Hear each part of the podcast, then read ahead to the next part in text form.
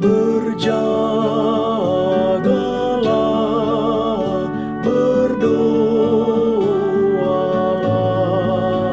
siang malam berjaga dan berdoa. Mari bersama Radio Advent Suara Pengharapan mengikuti pelajaran Alkitab melalui audio Sekolah Sabat. Selanjutnya kita masuk untuk pelajaran 10 periode 27 Mei sampai 3 Juni. Judulnya Penipuan Terakhir Setan. Mari kita mulai dengan doa singkat yang didasarkan dari Lukas 17 ayat 1. Yesus berkata kepada murid-muridnya, "Tidak mungkin tidak akan ada penyesatan, tetapi celakalah orang yang mengadakannya." Amin. Lawan musuh yang kuat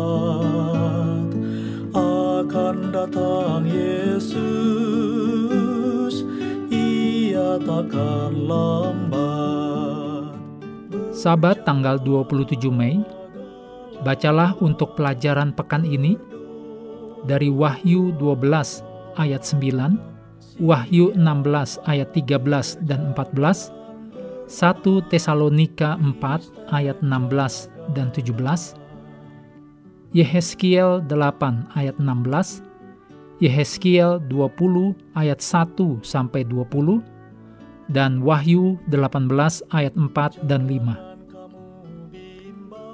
Ayat hafalan terdapat dalam Yohanes 17 ayat 17.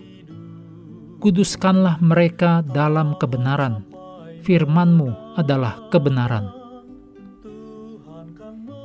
Itu adalah salah satu pagi yang indah di bulan September di Chicago. Saat matahari terbit di atas danau Michigan dan para komuter berjuang melawan kemacetan lalu lintas di jalan bebas hambatan Kennedy dan Eisenhower.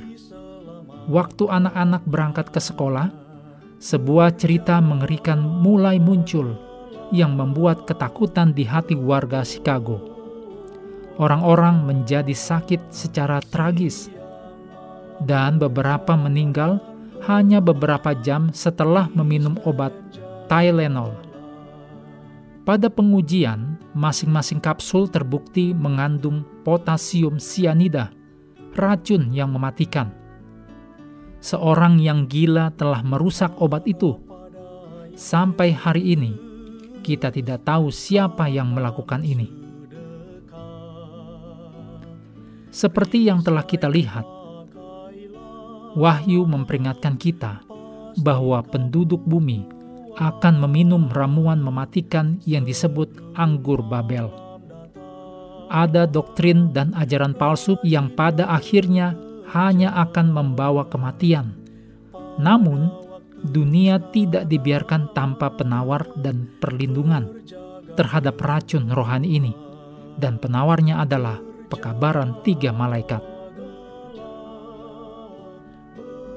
Dalam pelajaran pekan ini, kita akan terus melihat tidak hanya tipuan Babel, tetapi juga rencana Yesus untuk menyelamatkan kita dari Babel dan kematian yang akan mereka bawa. Kami terus mendorong Anda mengambil waktu bersekutu dengan Tuhan setiap hari bersama dengan seluruh anggota keluarga baik melalui renungan harian, pelajaran sekolah sahabat, juga bacaan Alkitab sedunia, percayalah kepada nabi-nabinya, yang untuk hari ini melanjutkan dari Mazmur 21. Tuhan memberkati kita semua.